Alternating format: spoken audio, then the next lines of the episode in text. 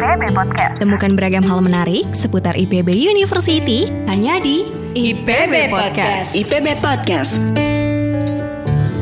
Assalamualaikum warahmatullahi wabarakatuh. Hai Sobat IPB, kembali lagi di IPB Podcast bersama saya Zara Zahira. Sobat IPB gimana kabarnya? Semoga kita semua sehat selalu ya. Nah seperti kita ketahui bersama bahwa IPB University dan juga dunia kesehatan ini memiliki relasi yang amat erat. Ini dibuktikan dan terlihat dari riset-riset juga inovasi yang telah dilakukan dari peneliti maupun inovator IPB University. Dan ini juga tentunya bertujuan untuk meningkatkan kesehatan masyarakat. Apalagi di era pandemi seperti ini, inovasi dan juga riset e, dari inovator ini terus dikembangkan secara aktif dan ini membuktikan bahwa IPB University bukan pemain baru dalam dunia biomedis dan juga dunia kesehatan. Lantas apa sih yang akan dilakukan oleh IPB University untuk meneguhkan posisinya dalam dunia kesehatan dan langsung akan kita bahas bersama Rektor IPB University, Profesor Arif Satria.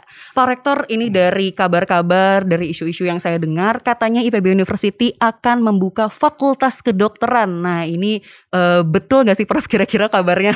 Ini ceritanya Aduh. bahwa uh, ini proses panjang. Okay. yang sudah direncanakan sejak awal 2000-an. Jadi memang Fakultas Kedokteran ini adalah merupakan bagian dari interest ya ataupun minat yang saat ini di sangat berhimpitan ya dengan dunia agromaritim. Kita bicara pertanian, agromaritim tidak hanya bicara pangan, tidak hanya bicara energi, tidak hanya bicara material, biomaterial, tapi kita juga harus bicara tentang kesehatan. Karena kita tahu bahwa dunia kesehatan kita ini saat ini dominasi oleh impor obat-obatan. Padahal kita memiliki keanekaragaman hayati yang luar biasa di hutan, di darat, di laut, yang menjadi modal bagi kita untuk mengembangkan kedaulatan di bidang kesehatan. Jadi sebenarnya kesehatan kita itu sangat-sangat hmm. uh, apa namanya modal untuk kita untuk membangun kemandirian dan kedaulatan dalam bidang kesehatan itu sangat luar biasa. Dan sektor agromaritim sektor yang menurut saya sangat potensial untuk bisa mensupport dunia kesehatan. Sekarang sudah tren ya obat herbal dan juga obat-obatan di berbagai tempat untuk kesehatan semua berasal dari laut, berasal dari tanaman-tanaman, tumbuh-tumbuhan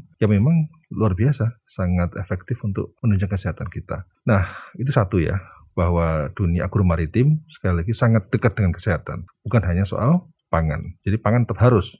Nah kemudian kedua yang harus kita pikirkan adalah bahwa di masa COVID sekarang ini kita baru sadar betul betapa tenaga medis sangat-sangat diperlukan. Tenaga medis itu hari ini punya peran yang sangat penting untuk menjaga keselamatan bangsa ini. Ya, dengan kita memiliki satu tadi bahwa pertanian itu menyangkut aspek kesehatan, kedua kebutuhan seperti sekarang itu, kebutuhan akibat COVID ya, kita merasakan betul. Dan kemudian yang ketiga, karena ada konsep One Health. Apa itu One Health? Bahwa kesehatan itu satu ke depan itu. Dan ini sudah merupakan konsep global. Konsep global yang mengatakan bahwa kesehatan manusia dan kesehatan hewan itu akan menjadi satu kesatuan. Orang ke depan akan bisa menyaksikan bahwa sumber penyakit itu adalah dari hewan penyakit manusia akan berasal dari hewan. COVID dari mana? Dari hewan. Ya. Dan ke depan itu seperti penyakit antraks. Banyak penyakit-penyakit yang bersumber dari zoonosis itu akan sangat populer. Dan ke depan itu dibutuhkan integrasi antara kesehatan hewan dan kesehatan manusia. manusia. Oleh karena itu, dengan hmm. ber tumpu pada uh, pemikiran tentang pentingnya konsep One Health, IPB punya concern untuk mewujudkan itu. Karena di satu sisi kita sudah punya kompetensi di bidang kesehatan hewan. Kemudian kedua, kita sudah memiliki banyak program pendidikan maupun riset yang memang sangat dekat dengan dunia medis. Kita punya prodi gizi, punya prodi di kedokteran hewan sangat banyak sekali, biokimia, ya, ada lagi biologi, ya. dan menurut saya itu sangat-sangat dekat dengan dunia medis. Kemudian ditambah lagi inovasi-inovasi kita sudah ada 114 dalam bidang biomedis. Baru kemarin kita mengeluarkan inovasi terbaru, inovasi tentang InventPro, ya, itu adalah sebuah produk untuk PCR dan produk untuk PCR selama diimpor. Oh, menarik sekali. Sekarang kita sudah bisa menghasilkan mm -hmm. produk untuk PCR yang bisa menekan harga dengan lebih jauh lebih murah. Kita tuh 25% dari harga impor. Kemudian yang kedua, kita juga bisa sekarang menciptakan uh, kit untuk tes antibody. Jadi kalau Zahra habis mm -hmm setelah divaksin Vaksin. akan ngecek kan berapa yeah. antibodinya. Maka Zahra harus pergi ke lab ya. Sekarang IPB sudah bisa menghasilkan, sudah, sudah bisa mengukur. Luar biasa. Dan masih banyak lagi. Apalagi salah satu ahli bayi tabung manusia terbaik di Indonesia adalah dari IPB. Dari IPB. Prof. Arif Budiono. Artinya kita ini sudah sudah banyak berkecimpung di dunia medis. Ditambah lagi kita, kita tahu bahwa banyak dokter-dokter dari berbagai rumah sakit di Indonesia, dari berbagai uh, fakultas kedokteran di dari Indonesia ngambil S2 S3 di IPB ya untuk mendalami di bidang uh, medis itu. Artinya kalau kita lihat dari track record itu ibarat main bola, kita itu bukan membawa bola dari gawang ke gawang. Kita ini sekarang posisinya bola itu sudah ada di titik penalti. Artinya kita itu sudah membawa bola sudah lama ini dari gawang sampai titik penalti. Sekarang tinggal golkan aja kan. Ditendang aja Pak. Tendang aja gol. Artinya apa? Artinya modal sudah ada. iya betul. Kemudian ditambah lagi dengan kebutuhan juga sangat mendesak. Kemudian yang eh, keempat ini semakin mengukuhkan peran IPB yang selama ini ada di dunia medis untuk semakin sah bahwa kita memang benar-benar masuk di dunia kesehatan. Kita punya biofarmaka yang menghasilkan banyak sekali obat-obat herbal dan kita punya sejumlah fakultas yang memproduksi hal yang sama ya. Jadi kompetensi itu menurut saya kompetensi yang yang sangat relevan dan itu akan menjadi kekuatan kita ketika kita mengembangkan fakultas kedokteran. Iya, jadi sebetulnya dalam artinya Prof eh, IPB ini sudah punya banyak latar belakang jadi si fakultas kedokteran ini seperti menjahit menjadi benang dari semuanya menjadi satu keutuhan dan tinggal ditendang aja gitu ya Prof. Oh ya? iya, dan kita memiliki track record di hewan sudah sangat bagus Mm -hmm. ya.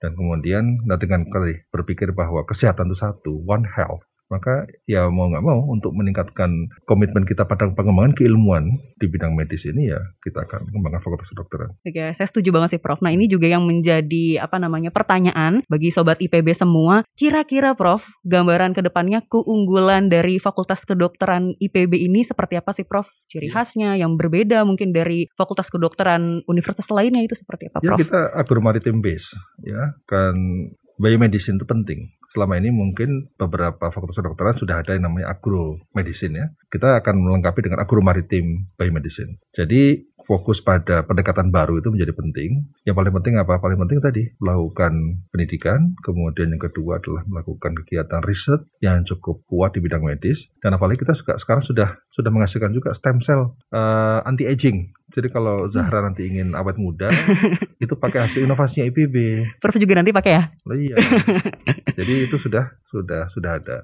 Inovasi inovasi sangat banyak sekali. Nah sekarang tinggal sekali lagi nendang bola. Bola itu sudah ada di titik penalti. Jadi ini bukan proses dari nol. Kemudian orang nanya kan, loh IPB kan biasanya selama ini pangan. Iya. Terus tanggung jawab IPB pada pertanyaan apa? Loh IPB alhamdulillah kan tugas perguruan tinggi salah satunya adalah satu lulusan unggul, dua adalah inovasi. Inovasi kita dalam bidang pangan itu luar biasa banyak ada IPB 3S, ada IPB 4S, ada IPB 9G untuk di uh, padi koko, ada kedelai, ada bawang. Udah sekira sudah sangat-sangat banyak. Jadi tugas kita sebagai perguruan tinggi untuk menghasilkan komoditi unggul, men- menghasilkan varietas unggul, menghasilkan teknik budidaya yang unggul, itu sudah sangat banyak. Nah, ini kan bukan tugas kita eh, semuanya kalau harus menyelesaikan masalah Indonesia, ya. Ini tugas bersama-sama, bukan hanya tugas IPB untuk agar inovasi itu dimanfaatkan. Nah, sekarang kita hilirisasi juga paling bagus, ya. Artinya bukan berarti bahwa kita masuk dalam dunia kesehatan kemudian pangan diabaikan. Jadi tugas utama kita yang selama ini dianggap oleh orang lain bahwa kita itu soal pangan, alhamdulillah pangan kita sudah sangat-sangat maju, ya teknologinya itu inovasinya tinggal dikembangkan secara lebih masif ke masyarakat. Nah, kemudian kita pengembangan keilmuan itu nggak bisa ditahan. Iya. Tadi kan konsep One Health tadi, keilmuan itu kan kita bicara soal pertanian untuk pangan, pertanian untuk energi, pertanian untuk kesehatan. Itu sesuatu yang yang menjadi keniscayaan. Ibarat Anda itu apa ya? Ada kertas, ada minyak, Mm-mm. ada minyak. Kertas itu kan kemudian minyaknya merembes kan? Iya. Atau dikasih air. Airnya merembes kan? Merembes langsung. Bisa nggak ditahan? Nggak bisa Susah. ditahan. Susah bisa. ditahan karena apa? Itulah pengembangan Mm-mm. keilmuan. Mm. Dunia sudah berubah. Dan keilmuan semakin lama juga sudah semakin berkembang. Sehingga mau tidak mau, kita nggak bisa nahan air yang di kertas kemudian jangan basahin sini yang jangan basahin sini yang ditahan nggak bisa. Itu akan terus berkembang dan terus melebar. Dan itu kan ada satu ada kaitan satu sama lainnya. Jadi ini sekali lagi bukan hal yang baru. Ini hanya sekedar apa mengukuhkan Mengukuhkan. bahwa agromaritim untuk kesehatan itu memang sesuatu yang nyata dan sangat diperlukan. Dan jangan lupa, IPB kan punya Fakultas Kedokteran Hewan. Dan Alhamdulillah FK kita juga sangat unggul, ya mahasiswa asing juga sangat banyak.